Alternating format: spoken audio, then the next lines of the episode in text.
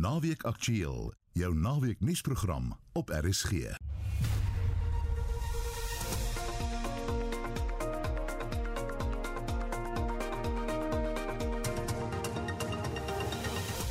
In die program vandag, president Cyril Ramaphosa lig die sluier oor volgende week se begrotingstoespraak.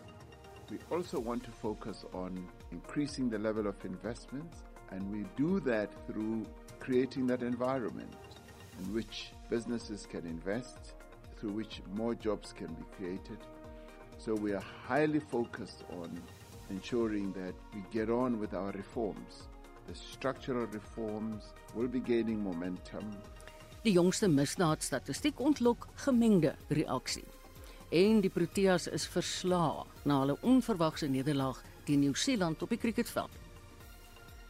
Yeah, it's, it's been tough two days. Um, extremely disappointing, uh, especially after the series we had against India. Um, I think there was a, a high expectation from, from everyone. Um, and we just haven't come out and, and given the energy that, that is sort of expected of us. Meer hieroor en ander sportnuus net na 0.30. Baie welkom by Naweek Aktueel. Die span is vandag redakteur Hendrik Martin, die produksieregisseur is Silwester Komani en ek is Marietta. Jy is ingeskakel op RSG, dis die program Naweek Aktueel en dis nou 5 minute oor 12. President Cyril Ramaphosa meen daar was vordering met die opheffing van patentregte op COVID-19 en stowwe. Dit volg na 2 dae van samesprekings in Brussel by die beraad van die Europese en Afrika Unies wat die redusynleiers bygewoon is. Ramaphosa het in 'n onderhoud met die SAIK oor die netelige kwessie van enstofvervaardiging gepraat, iets waaroor Suid-Afrika en Europa skerp verskil. Ramaphosa het 'n reputasie in Brussel as 'n uitgesproke kritikus van die EU verwerf. Tog lyk dit of daar ruimte vir ooreenkoms is. We have made some progress. It's not there yet in terms of unlocking the TRIPS waiver. We've raised the issue very sharply, and we have actually said that it is Europe that is really standing in the way of uh, a full agreement on a TRIPS waiver because they have been trying to protect those who have intellectual property. And we've argued that vaccines for the COVID pandemic should be seen as a public good. And those who want to protect their IP do so for uh, or with a profit motive. That this pandemic should be underpinned and underlined by generosity, solidarity, and public good intentions. And this is what we have been arguing here that profit should not be what motivates uh, people to make more and more money. It should be to save more and more lives. We've put the message very strongly, and I believe that with the process that's now been uh, put in place, that it's going to be commission to commission now, that is African Union Commission and European Union Commission, within a short space of time, they will try to see what agreement can be reached, which can then be taken forward at the WTO. Our team at the WTO is very clear on what we need to achieve. It's important that for a set time there should be a waiver of the TRIPS measure so that we can get on with the process of manufacturing cheaper uh, vaccines. Our continent has only reached less than 10% of vaccination, and we still need lots of vaccines to be able to spread around the various countries on the continent. The more we have, the better that uh, we will be able to reach a high level up to 60% of vaccination. Ramaphosa sê volgende week se begroting sal daarop fokus om vleis aan die geraamte van sy ekonomiese omkeerstrategie te gee. Fiscal challenges constrain us in a number of ways. We are not able to do as much as we want to. We're not able to uh, dole out money to create as many jobs as we would like to see. So we have to walk a tightrope. Uh, but the Minister of Finance will be articulating all that. What we are clear about is that creation of jobs is going to be the key focus uh, for ourselves as a government going forward. The number of people who are unemployed in our country are just unsustainably high. But we also want to focus on how we can protect those who are currently really challenged by being unemployed, by being vulnerable. So that too is going to be our challenge. But we also want to focus on investments, increasing the level of investments. And we do that through creating that environment in which businesses can invest and which, through which more jobs can be created. So we are highly focused on ensuring that we, we, we get on with our reforms. The structural reforms will be gaining momentum. Uh, we, will, we have started very well through the Vulindlela process that is lodged in the presidency and also has the participation of Treasury. And through that, we are going to be unlocking more and more uh, of those impediments that uh, have been standing in the way of investments and further growth. So we are focused in that way. Die EU het 'n groot beleggingspakket vir ontwikkelende lande onthul, maar Ramaphosa is ietwat skepties en meen die tyd sal leer wat dit vir Suid-Afrika beteken. Obviously we must say we welcome uh, the intention that's been announced for 150 billion dollars uh, even though it is over 7 years. uh, it is it is uh, significant. But for us, as we've lived through various promises from, uh, you know, the COP uh, uh, Paris uh, Accord, when hundred billion was promised per year, we we we look at this with a degree of wanting to see whether it will really be done because we, we still remember what was not done in the past. But then again, they have come forward to say this is what we, we are uh, promising. Uh, the pudding, as they say in the classics, is going to be in the tasting. We will see whether in the end they do live up to what they say they want to invest in agriculture, in infrastructure, in power generation, and all that. So we will see. I did raise the question that, you know, we, we want to know what the terms are. What are the real terms? And when is this all going to happen? And where is it going to happen? To whom is this going to be made available? So those terms, in my view, uh, are still not clear. So we will still need to see whether at a commission to commission level, European and African Commission, things will be clarified. But in the end, they've made this commitment. And uh, are they trying to rival China? I, I wouldn't say. Uh, we have welcomed uh, China as a partner, uh, and China is supportive of the African uh, development agenda. And uh, we, we, we, welcome various parts of the world to, to to invest in Africa. Africa is ready and willing and hungry for investment, uh, but we will take the investments on, on terms that are not going to undermine our sovereignty as uh, Africa. Uh, we, we must make that very clear.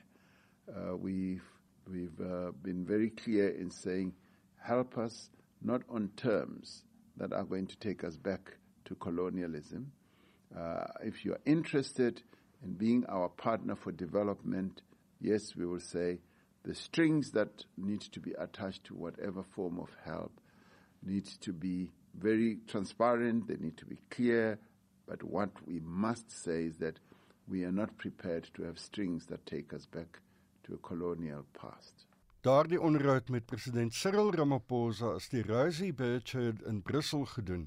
Ek is Hendrik Martin vir SAK nuus. Die jongste misdaadstatistiek is gister deur die minister van polisie bekend gemaak en het heelwat reaksie uitgelok. Ons gaan veraloggend stewig aandag gee hieraan. Meer as 9500 verkrachtings is tussen Julie en September verlede jaar aangemeld. Om die jongste misdaadstatistiek oor geslagsgeweld en verkrachting vir ons te ontleed, praat ons nou met professor Corneille Duwys van die Departement Strategiese Kommunikasie aan die Universiteit van Johannesburg en sy is ook 'n kampvegter vir kinder- en vroueregte. Hallo Corneille. Lyk my ons het nie op het ons nou vir Corneille. Hallo Corneille. Hallo. vir 'n oomblik was daar stilte en ek gedog ek moet hierdie statistiek ontleed. Die statistiek Ja, Marieta. Ja. Dit toon dat verkrachting toegeneem het met meer as 7%. Glo jy hierdie statistiek is 'n weerspieëling van die werklikheid? Nee, ek dink nie so nie. Ek dink dit is meer as dit.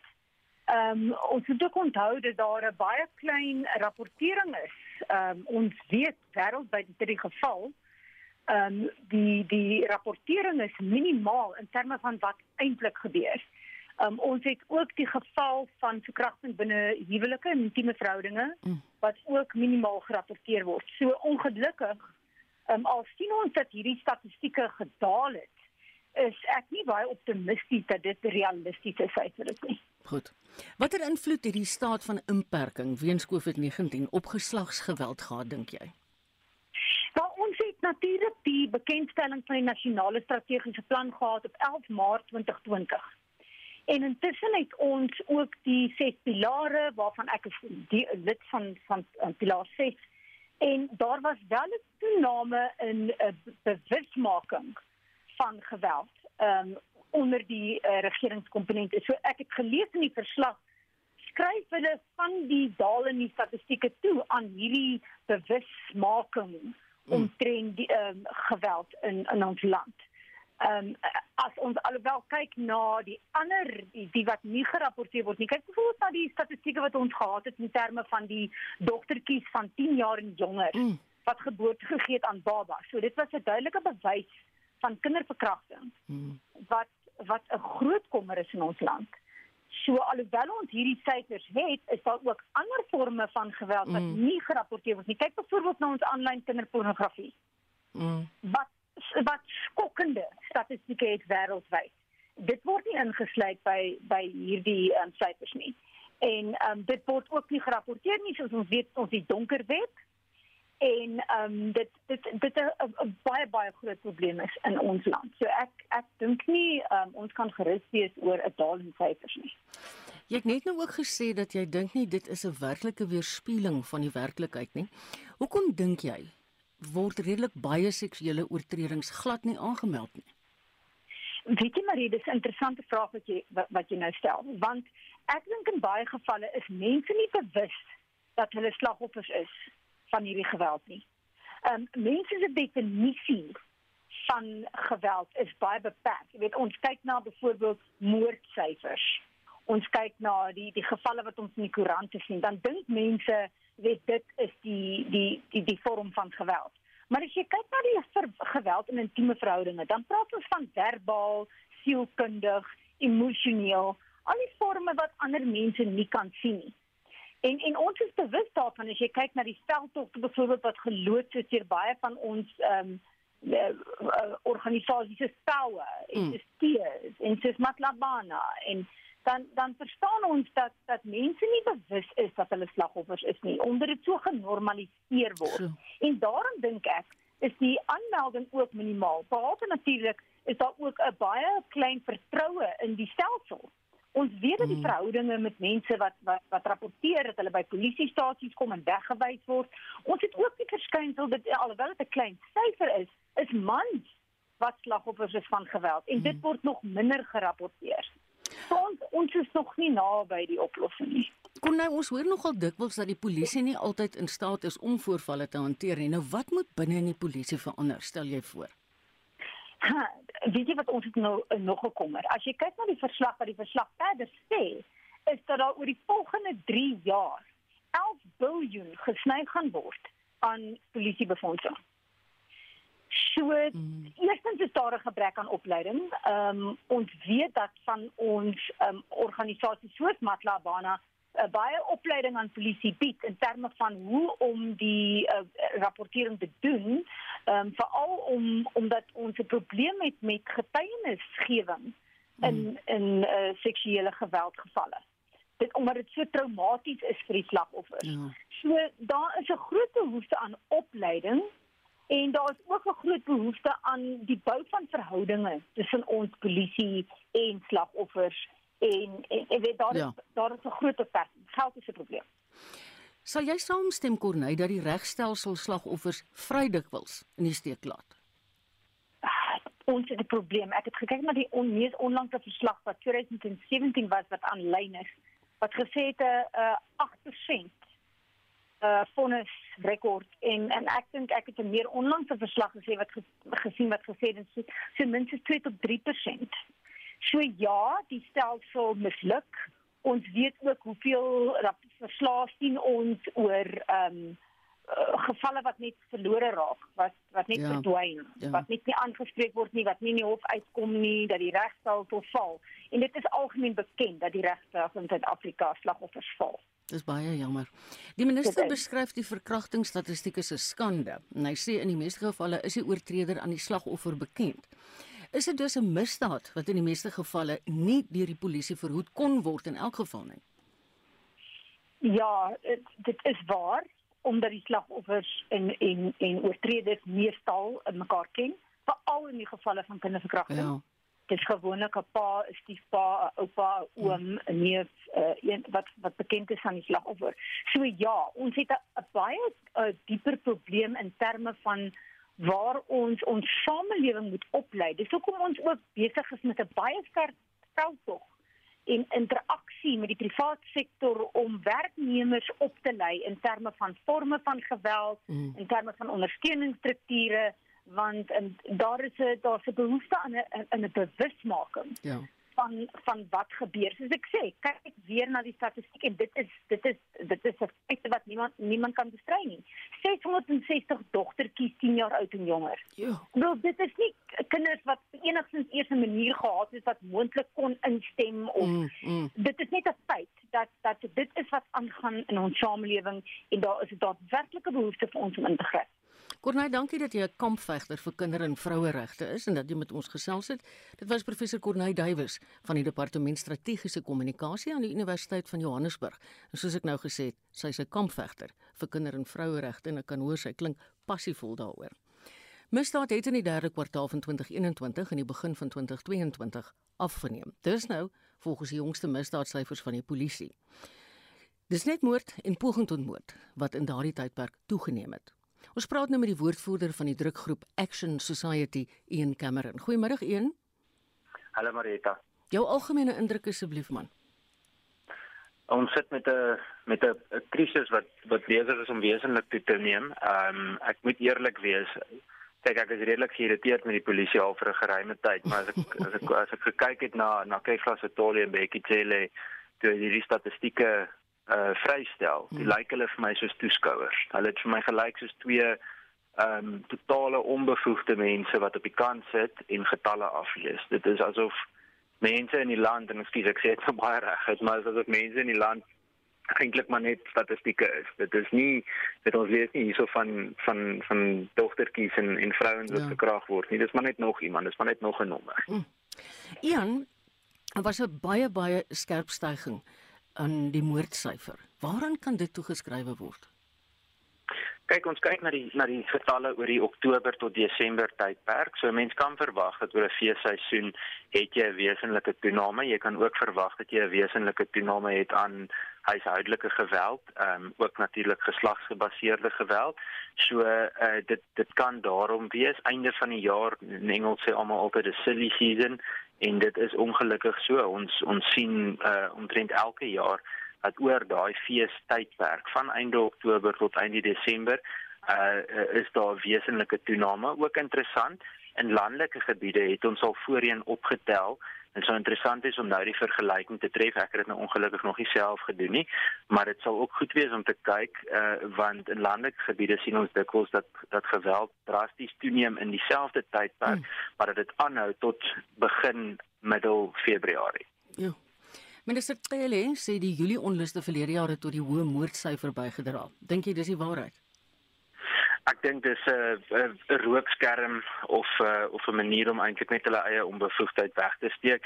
Ehm um, ja, daar's daar's mense dood, ehm um, maar maar maar een dit is nie hierdie selfde statistiek tydperk wat hy wat hy bekend gestel het nie en en twee dis 'n druppel in die emmer teenoor wat wat hier gebeur het. Ehm um, en die veelhede wat ons nou gesien het, ek meen um, om om hierdie hoeveelheid mense of hierdie hoeveelheid moorde te kon sien in 'n 3 maande tydperk. Onthou, dis amper 7000 moorde, dis 500 mm. meer um as die vorige jaar in dieselfde kwartaal. Ja. So ehm um, so ek dink nie dit is 'n akkurate ding van hom om te sê nie. Ek dink ook is belangrik dat die Julie onluste ehm um, tot 'n mate in isolasie gesien moet word. Jy kan nie dit vergelyk mm. met algemene mm. misdaad wat elke dag gebeur nie.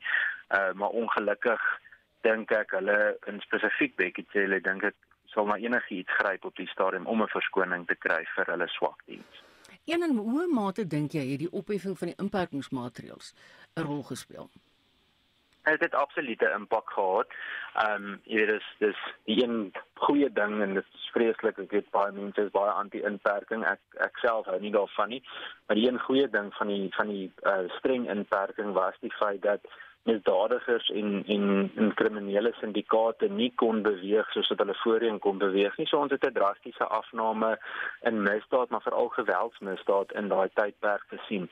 En soos wat vryheid weer teruggegee is, het ons gesien dat misdaad weer toeneem. Ek dink die uitdaging in hierdie geval is daar is derduisende mense en nie miljoene nie wat wat so baie verloor het in daai inperkingstydperk dat hulle eintlik nou deel van die misdaad element gaan word. Oh ja. Nie omdat hulle ja. jy weet oorspronklik mm. slegte mense is nie, dis uit absolute desperaatheid en mm. armoede word erger en uh, en dit gaan bydra en natuurlik gaan 'n gewelds 'n uh, misdadiger of 'n uh, beroepsmisdadiger iemand wat desperaat is uitbuit om uh, sy eie persoonlike ideale na te jaag.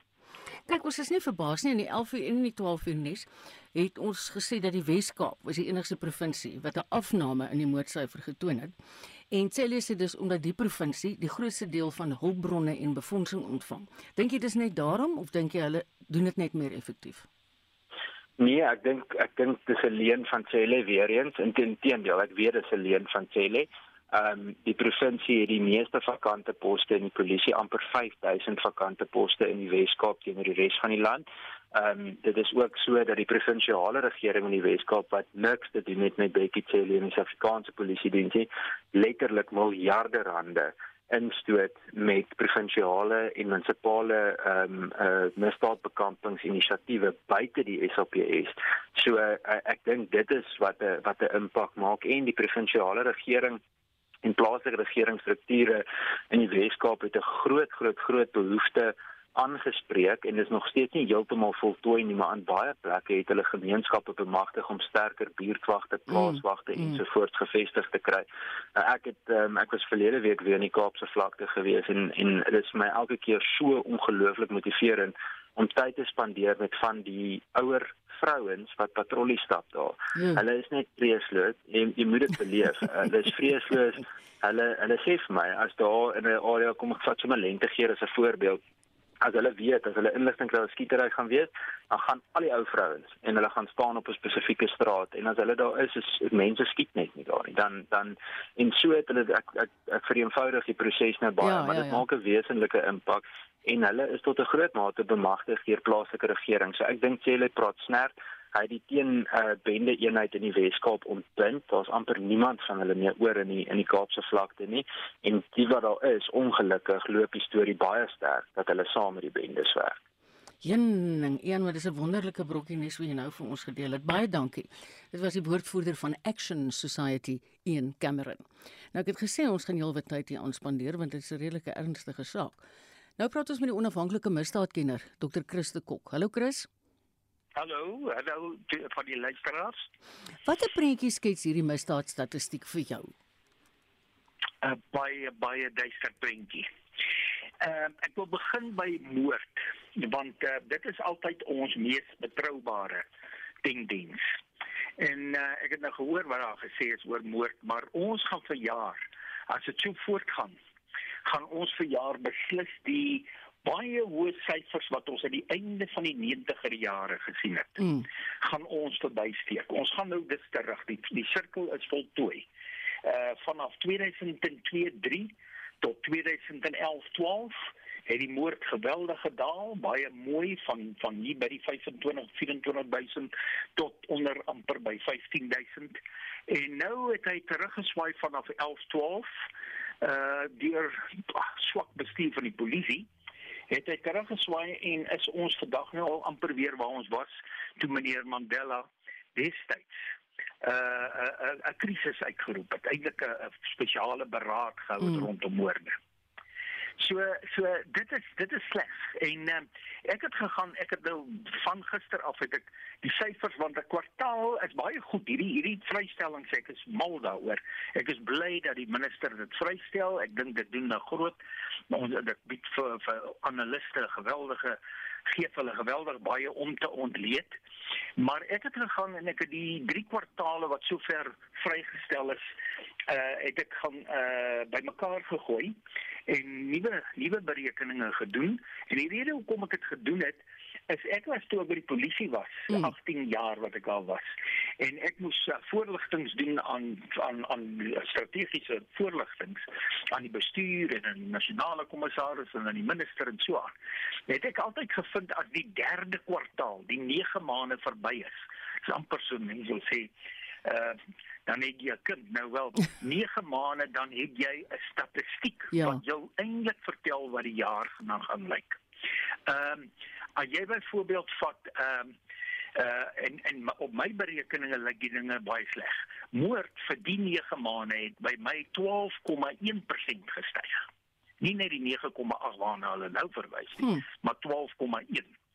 Die poging tot moord is op met 10,4% en nie net die 3,5 wat hulle in die een kwartaal, want een kwartaal is baie kort periode ja. eintlik. Mm.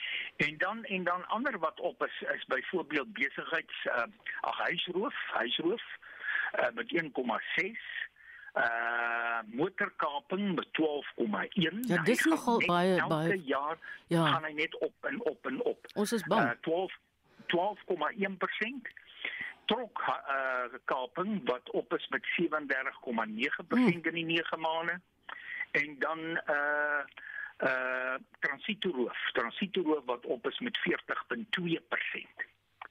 Nou die daar's 'n paar mooi dalings, maar snaaks genoeg die een mooi daling wat daar is En ek dink nie dit is as gevolg van goeie werk van die polisie nie. Ek dink dit is bloot as gevolg van die mense se gedragspatrone wat deur COVID beïnvloed is.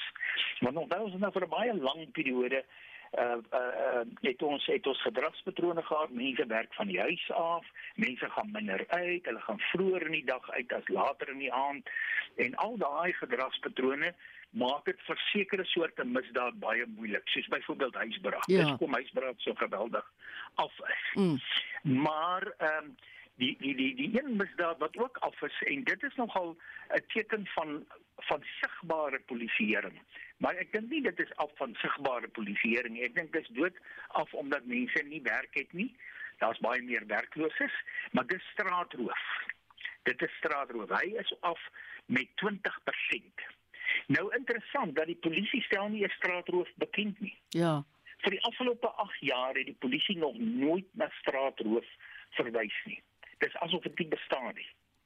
En en dit is vir my tragies want dit is die misdaad wat die armstes van die armste beïnvloed. Mm. Dit is die misdaad wat as 'n uh, 'n uh, dame uit 'n restaurant vanaand en sy vat 'n taxi 10 uur vanaand, 11 uur vanaand, dit is nou Saterdag en sy kom half 12 12 uur daar in die uh, informele uh nedersetting mm. uh kom sy aan dan moet sy nog 'n kilometer stap na haar uh na huis toe mm. en sy het 'n bietjie geld by haar by 'n mm. selfoontjie en nou word sy beroof ja uh en en en en en en die polisie gee vir ons geen statistieke die nou wonder ek selfs of hulle op hulle eie na die syfer kyk Ja. Ek ek ek begin wonder of mm. of dit in hulle besluitneming enige rol speel. Maar jy jy nee, moet ekskuus tog een het net nou gesê hulle daar gesit asof hulle onbetrokke is gister by die bekendmaking. So ek hoor well, ook ek dit, hoor ook dit, dit in jou stem. Dit is vir my geweldig ontstellend. Ehm uh, ek kan onthou in die dae toe ek soos ek sê daai 18 jaar dit was maar uh, meestal eenmal 'n jaar misdaadstatistiek vrygestel. Daar was ook kwartaalvrystellings in die vroeë tye wat ek aan gewerk het en toe dit net eenmal 'n jaar geraak. Maar maar ek kan hom onthou daar het hulle dan probeer verduidelik en hulle het hulle het verskoning aangebied. En hulle het gesê dit gaan nou verander. Mm. En dan het dit ook 'n bietjie verander soos ek net genoem het, daai tendense het afgeloop onder. Maar dit is vir my of in die afgelope van elke kwartaal vrystelling en voor kwartaal vrystellings is dit net asof asof die die syfers word gegee ag moord is maar net nog op mm. uh ag wat wat maak dit nou saak onbetrokkenheid en dit mm. ja geweldige onbetrokkenheid en en dit is 'n baie slegte teken ek kan onthou die eerste keer wat toe toe die toe minister Kelly uh wat wat vroeër was hy die nasionale kommissaris en daar het hy altyd baie gepraat op so 'n vrystelling. Maar die eerste keer wat hy toe as minister opgetree het, het hy gesê nie die koppe sal moet rol. Die moordsyfer is skokkend. Dit lyk of Suid-Afrika 'n oorlog is. Dit was nou so 4, 5 jaar gelede toe hy nou mm. uh minister geraak het. Het hy gesê, "Nee, die koppe sal rol. Volgende jaar gaan die koppe rol as dit nie baie beter lyk nie." Goed. Die volgende jare het dit slegter mm, gelyk. Mm. En van daar af lyk dit elke jaar slegter en geen koppe het nog 'n rol nie. Chris, baie dankie. Ek kan hoor jy is ewe moedeloos net soos Ian voor jou. Baie dankie. Dit was 'n onafhanklike misdaadkenner, Dr. Chris de Kok. Dit is nou op die kop 25 minute voor 1. Nou iets heeltemal anders. 'n Amerikaanse pasiënt met leukemie het die eerste vrou en die derde mens geword om na 'n stamseloorplanting van HIV genees te word. Die skenker het 'n natuurlike weerstand teen die virus wat vigs veroorsaak. Die nuus is by 'n konferensie oor retrovirusse en opportunistiese infeksies in Denver in Amerika bekend gemaak. Die geval was ook die eerste wat naalstring bloed behels het, 'n nuwe benadering wat die behandeling aan meer mense beskikbaar kan stel. Dr Marie van Skalkwyk, 'n mediese beampte by die Tygerberg Hospitaal se HIV-infeksie en siektekliniek, het met Vincent Mofokeng gepraat heb die nieuws ook gelezen. Ik denk, dit was nou onlangs op die CROI-conferentie, wat in Amerika, die grote HIV-conferentie, wat altijd elke keer daar gehouden wordt.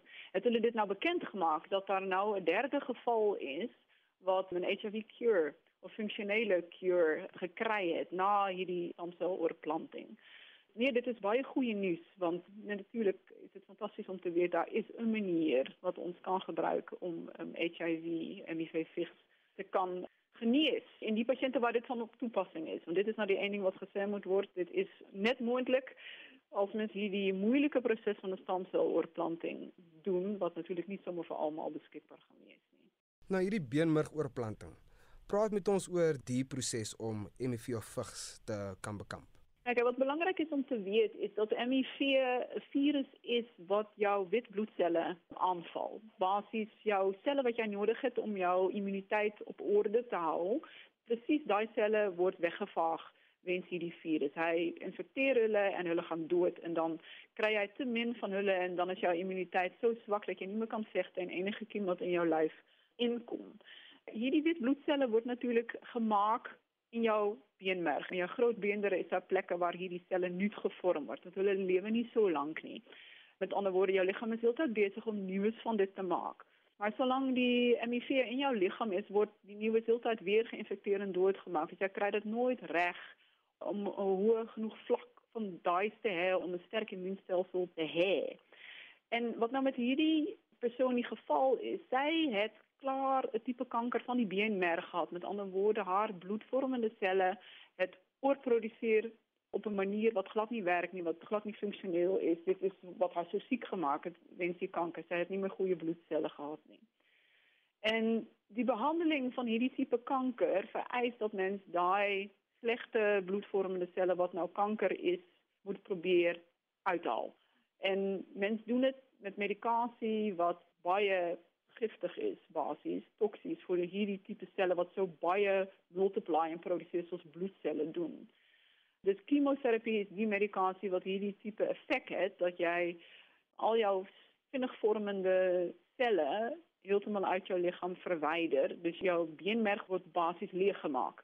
En as jy dit dan kan vervang met 'n tipe selle wat nie aangetast kan word deur HIV virus en dit is nou die nuwe ding wat hier gedoen is. Hulle het 'n tipe nuwe beenmerg daarin gesit wat se buitekant van die selle basies nie die reseptore het waar HIV virus op kan aangryp nie. Met ander woorde, as die virus daar is, kan hy nie vat kry op hierdie selle nie. Dus hy kan hulle dan ook nie infekteer nie en doodmaak nie. Met ander woorde, as sy nou hierdie nuwe beenmerg het, dan is daar weer nuwe wit bloedselle in haar wat gevorm word wat nie aangetast kan word deur HIV. En op daai manier, ook al is die virus daar, gaan sy nie kan siek raak daarvan nie, want haar immuunstelsel bly basies intak. En as die virus wel daar is en hy kry nie vat op enigiets nie, dan gaan hy ook maar dood want hy kan ook nie vir ewig lewe nie. Dus as daar nie iets is vir hom om in te groei nie, dan is hy weg. En dit is wat ons nou functional cure noem. Met ander woorde, ons moet nog sien of hierdie hou, maar in die 14 maande wat sy haar HIV middels gestaak het, met ander woorde, daar's niks anders wat probeer om die virus in beheer te hou.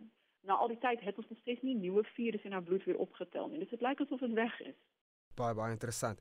Maar wat is die risiko's verbonde aan hierdie prosedure, die stamseloorplanting? Eintlik die chemoterapie wat so gevaarlik is. Want natuurlik soos almal verstaan mense gaan dood aan HIV omdat die immuunstelsel swak is. Maar enigiets wat anders as HIV die immuunstelsel swak maak soos chemoterapie kan jou in dieselfde posisie plaas met ander woorde enige kiem wat jou tref kan jou gaan doodmaak nie want jou liggaam kan nie nie.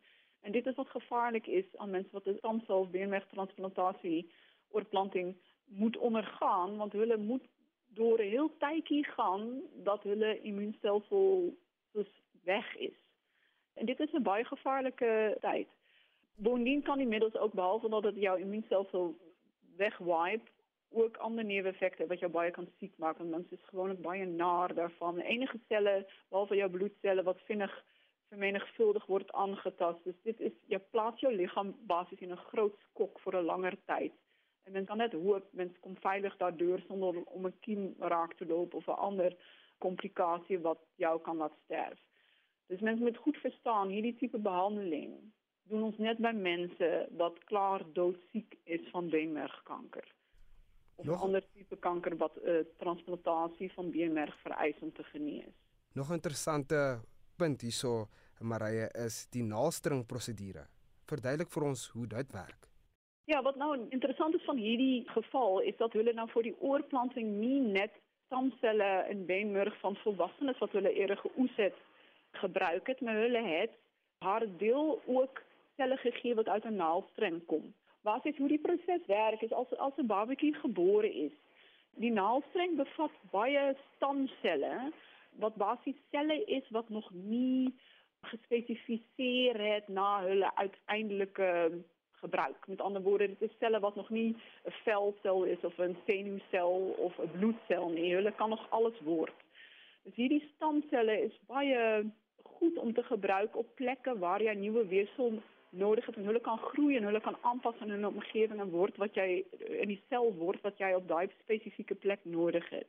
Dus as mens stamselle in die beenmerg insit, dan hoop mens daai selle gaan nou beenmergselle word wat bloed gaan produseer sodat dit nou die bloed produseer met die DNA spesifiek van die donor en in hierdie geval nou die DNA wat 'n spesifieke reseptor op die selle mis waar HIV juis wil aandeel vat. En dit is nou ja, 'n prosedure dit is nog nie baie lank. Ek dink dit sal in die laaste 10, 15 jaar iets wees wat mense kan kies as jou babatjie gebore is om daai naalsting stukkie wat daar nou is te vries en dit te in 'n biobank, soos ons dit noem, 'n plek waar al hierdie naaldstrenge en ook bloed uit die naaldstreng wat ook baie stamselle het, gevries word en dan later wanneer mens dit nodig het, kan mens dit gebruik. Dis spesifiek vir hierdie tipe siektes waar jy beenmerg stamsel oorplantings voor benodig op later stadium omdat jy uh, chemoterapie moet skry wens 'n kanker en dit is gewoonlik maar beenmerg tipe kankers of ander. Dan kan mens teruggaan en kyk hier is nou DNA spesifiek van die eienaar naalstreng wat jy nou gebeere het wat jy later kan gebruik want natuurlik is dit die beste stamselle wat jy kan gebruik want hulle hulle DNA is identies aan joune. Met ander woorde jou liggaam, jou immuniteit stelsel gaan nie veg teen hulle nie want hy herken hulle as jou eie.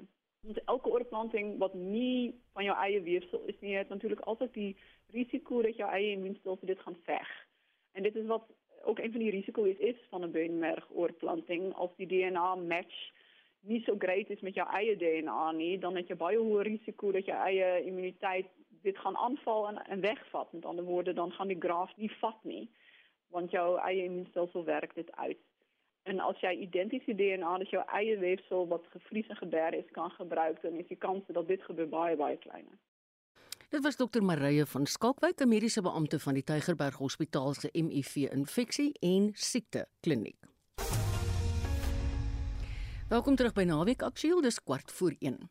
Die departement van gesondheid het 'n nuwe veldtog van stapel gestuur om te verseker dat jong mense tussen 18 en 35 jaar hulle teen COVID-19 laat inent.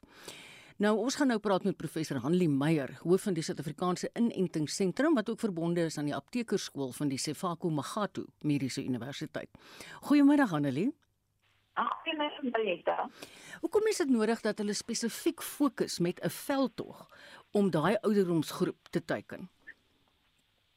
Kyk, in eerste plek is dit wel, kom ek gaan terug na daarna toe. Vir vir die ouderdomsgroep spesifiek. Ek dink is baie belangrik omdat hierdie tipe van veldtog gee hierdie uh, jong mense nou die kans om te op op op hulle eie vlak te kommunikeer.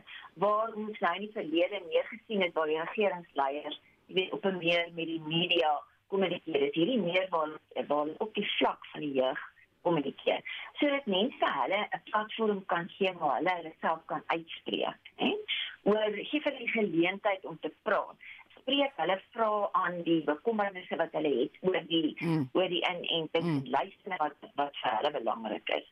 So ehm um, en dan ook weet saam met dit dit gebruik aktiwiteite en media wat aanklank vind by die jeug. O ja. As jy spesiale media en so voort. Ja. Dit An is dis baie belangrik vir hierdie tipe van veld tog. Annelie, in hoe mate is die ouers se menings 'n invloed op daai jongers? Die ding is um ja, daar ouers dink ek speel 'n uh, uh weet 'n belangrike rol in die standpunt wat wat ingeneem word. Jy weet vir vir hulle kinders om om ingeënt te word of nie. Maar wat ons moet onthou, vandag se jeug um, is baie meer geneig om hulle eie standpunt mm, te neem mm. en hulle opinies uit te spreek weet of dit nou 'n groep is of dit nou individueel is. En ook hulle is ook meer geneig om dit in die openbaar te doen, dit meer sigbaar te maak. Dis wat van hulle hou. Dit waar, miskien in die in die jonger groep van sê tussen 12 en 17 jaar, sou ek sê ja, die ouers het dalk meer 'n groter invloed. Maar so, soos as hulle dan nou uh, teen in enting gekant is dat die kinders dan nou nie ingeënt sal word nie, alhoewel hulle het nie die ouers uh, toestemming nodig nie. Dis waar. Maar in die ouer groep is 18 jaar, as jy nou praat van studente en so aan, hè, dan dink ek die botjies word nou verhaan. En hulle kan eintlik 'n baie belangrike rol speel om hulle ouers te Jy's reg. Ja, ja jy's dit reg. Sê vir my, hoe gaan 'n mens te werk om jong mense se koppe te swaai sou hulle byvoorbeeld negatief is oor die inenting? Kyk, ek dink dit is ek ook genoem nie, nê, is 'n mens wat hulle vra en hulle bekommernisse antwoord op 'n mm. vlak wat wat hulle van hou. So, jy moet gebruik hulle eie um leiers, sporthelde, musikante oh ja. en dan mm. ook hierdie professionele mense, so jong dokters, jong aptekers, jong verpleegsters. Dit gebruik hulle stemme en dan spreek die goed aan. Jy weet, gee hulle 'n platform waar hulle kan praat en sê, "Hoorie maar, hierdie is vir my kommerwekkend. Ek is bang, ek het hierdie vrese." Dit is ook baie ehm um, stories wat rondgaan wat nie waar is nie, oh ja. wat hulle onseker maak. Jy weet mm. of hulle wel kan in interview en dat hulle wil in die gemeenskappe. En dan die ander die ander ding wat ook belangrik is, is maak dit toeganklik vir hulle. Jy weet, vat dit na die plekke waar hulle is, hulle skole, hulle universiteite, hulle sportbyeenkomste, mm. gebruik mobiele klinieke en baie het hulle ook nie die jy weet die geld miskien of ja, die vervoer ja. tot by die plekke te kom nie. Dit so dit is belangrik. Baie dankie, dit was professor Hanelie Meyer. Sy is die hoof van die Suid-Afrikaanse Inentingsentrum. Nou, 'n geval jy bekommerd was, want ons is al lankal verby half 1 dat ons nie oor sport gaan praat nie. Ai kon, dit is nie so nie, want hierdie rusbank is juist die plek waar almal van ons hierdie naweek gaan sit, want dit is 'n sterk sportnaweek. En nou sluit Shaun Jooste aan vir die jongste nuus. Hallo Shaun, hoe gaan dit met jou? Uh, middag Marita, dit gaan goed en daar. Nee, lekker, dankie. Ons staan einde se kant toe, maar jy is bang die mense dink ons gaan nooit by sport uitkom nie. Hoorie son, is daar enige plaaslike krieket aan die gang? Ja, daar is die KSA T20 uitdaging wat aan die gang is. Die Westelike provinsie speel teen die Titans. Nou die WP Golf het eerste gekolf en dan nog 40 vir 5 en hulle 20 balbeurte aangeteken. En so rukkie gelede was die Titans na 12.2 balbeurte op 96 vir 2 dan vanmiddag half 3 pak die Warriors en Lions mekaar. So ek sien ook daar's heelwat rugbywedstryde wat reeds voltooi is. Wat lê ook nog voor? Het jy vir ons stellings en so aan? Ja, Nicole in Karibeker reeks het uh, Griek was die westelike provinsie gisteraand met 22-20 daarin Kimberley geklop nadat hulle rustyd 12-10 voor was. En dan vanmiddag half 3 speel die Pumas van Nelspruit in die Cheetahs en dan 5uur die Lions op Emirates Airline Park in Johannesburg teen die Haie. Daar is ook natuurlik Verenigde Rugby Kampioenskapswedstryde wat die naweek plaasvind. Gisteraand het die Munster met Edinburgh afgereken, die telling 34-20 en dan vanaand 7 uur speel Leinster teen die Ospreys. Ons kyk ook vanaand na die Super Rugby reeks wat afgeskop het. Daar is ook 'n twee wedstryde gewees in Nieu-Seeland. Die Chiefs het 26-16 teen die Highlanders geseëvier en die Crusaders 42-32 teen die Hurricanes. En so 'n kort rukkie gelede die wedstryd in Australië tussen die Reds en Rebels ook klaar gemaak en die Reds wen daardie wedstryd met 23-5. Goed, so nou het ons 'n hele wye spektrum rugby gedek. Is daar enige sulke wedstryde waarna ons kan uitsien? Ja, net weer rondte van die Afrika Kampioenligga draf Mamelodi Sundowns vanmiddag 3 uur in Egipte teen Al Merrikh van Sudan op die veld uit. En dan in die DStv Premier League, daar's nie veel groot wedstryde wat uh, die naweek plaasvind nie. Môre half 4 met Golden Arrows teen Cape Town City Kragte. Ons kyk net na die groter wedstryde in die Engelse Premier League. Mm -hmm. Middag half 3 speel West Ham United teen Newcastle United, dan 5 uur is dit Southampton teen Everton en vanaand half 8 'n groot Manchester City teen Tottenham Hotspur. Ons gaan ook net oor na die internasionale eh, front waar Banyana Banyana gisteraand in die eerste been van hul AFCON kwalifikasiewedstryd teen Algerië gespeel het. Hulle wen die wedstryd 2-0. Die tweede been vind Woensdag plaas. Ek is so bly vir Banyana, weet jy regtig wel, hulle speel so goed. Daar's twee golftoernooie op die oomblik aan die gang. Hoe vaar die Suid-Afrikaners?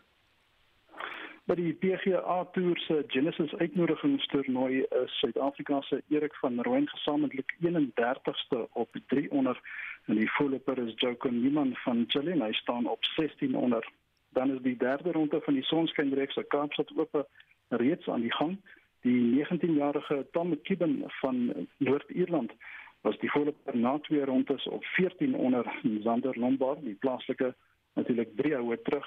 En dan kyk ons ook net na vroue golf. Mm. Die Suid-Afrikaner Polari 2 het die trofee by die vroue supersport uitdaging gelig en sy wen na die toernooi en tog op 13 houe onder die baansyfer. Ja, dis goed.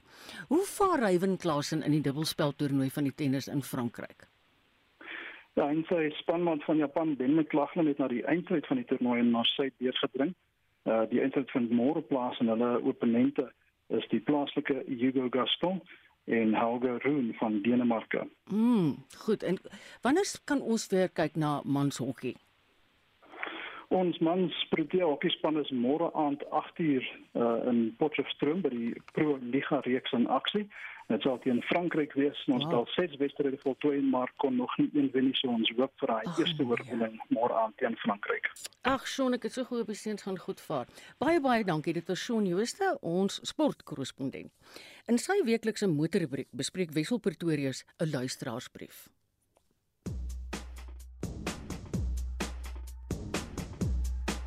Bertie Lou van Mosselbaai skryf dat sy buurman vertel dat spoedmeters 'n bietjie vinniger wys as die ware spoed. Is dit so, vra hy? En indien wel, met hoeveel is spoedmeters optimisties? Ek het 'n brief gestuur aan die ou wat baie van karre af weet, Nicolou. Hy's 'n tegniese konsultant en die besigheidsontwikkelingsbestuurder by SVU Gepantserde Voertuie. Ja, Wessel Bertie praat van 'n snelheidsmeter wat dan nou optimisties is en wat hy nou eintlik bedoel is dat daai snelheid wat op die instrumentpaneel aan die bestuurder getoon word, eintlik 'n bietjie vinniger wys as wat die voertuig in werklikheid op daai stadium doen. Dit is natuurlik 'n wetlike vereiste om 'n voertuig in 'n mark te verkoop, dat daai snelheidmeter op die beste 100% akkuraat moet wees of dan nou 'n bietjie vinniger sal wys as wat jy in werklikheid doen. Kan jy nou net dink die argumente wat gaan gebeur as 'n verkeersbeampte jou aftrek en jy sê maar nee, my voertuig het gewys 120, maar in werklikheid het jy 140 km/h gery. So nee, dit is definitief 'n wetlike vereiste. Die volgende vraag van Bertie is dan nou maar, maar hoeveel vinniger wys daai snelheidsmeter nou? So dit hang nou af van voertuig tot voertuig, maar ek het gevind dat in die meeste gevalle is dit so tussen 2.5% of selfs 5% wat die voertuig vir jou gaan vinniger wys as wat daai voertuig in werklikheid op daai stadium doen. Die rede daarvoor is onthou daar's 'n hele paar veranderlikes. As ons kyk, die berekening word gedoen deur te kyk na die snelheid van die wiele. En daar is 'n snelheidsmeter op elke wiel en dan die gemiddelde snelheid word gevat tussen al vier wiele van die voertuig en dis dan die snelheid wat vertoon word. Natuurlik nou met daai faktor van 2.5 of 5%. En uh, die rede daarvoor is ook dat onthou jou bande se omtrek kan natuurlik verskil. Sê nou maar jou band is 'n bietjie papper, dan is die omtrek bietjie kleiner as wat hy sou gewees het as wat hy vol hard gepomp was. En ook selfs as jou band begin afsluit, dan is die omtrek weer eens verskillend. So daar is natuurlik 'n paar veranderlikes wat daai snelheid dan nou gaan beïnvloed. Wat bietjie interessant sal wees, ek dink dat in die toekoms wanneer ons voertuie dan nou hierdie wat hulle praat van 'n connected car is, wanneer jy met die SIM-kaart gekoppel is, jy het jou GPS, kan dit miskien wees dat in die toekoms die voertuie dan na jou GPS spoed gaan kyk en wat presies dan 100% akkuraat is. Baie van ons luisteraars daar buite kyk in elk geval 'n bietjie na wat is die GPS spoed en wat wys die snelheidsmeter vir jou en dan kan jy sommer self bepaal hoe ver is daai snelheidsmeter uit al dan nie. En laastens wil ek net sê as jy een van hierdie klassieke voertuie bestuur, maak net seker dat daai instrumentpaneel is nie in myl per uur afgemerk nie. Want as jy nou 60 myl per uur ry en die konstabel trek jou af en sê vir jou jy het 96 km per uur gery, gaan dit 'n groot skok vir jou en jou beursie wees.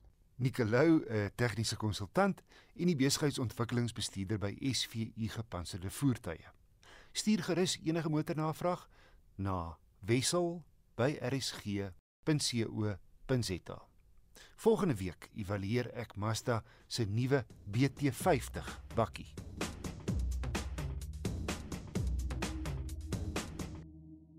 Baie dankie Wessel. Dis altyd interessant om te hoor wat vra die verskillende luisteraars. Gustaf het vir ons die 1 uur nuus waarmee hy uh, ons op hoogte gaan bring van wat aangaan, maar ek groet solank namens almal hierso by Naweek Aktueel. Ons redakteur vandag was Hendrik Martin, Silwester Komani was die produksieregisseur, ek is Marieta.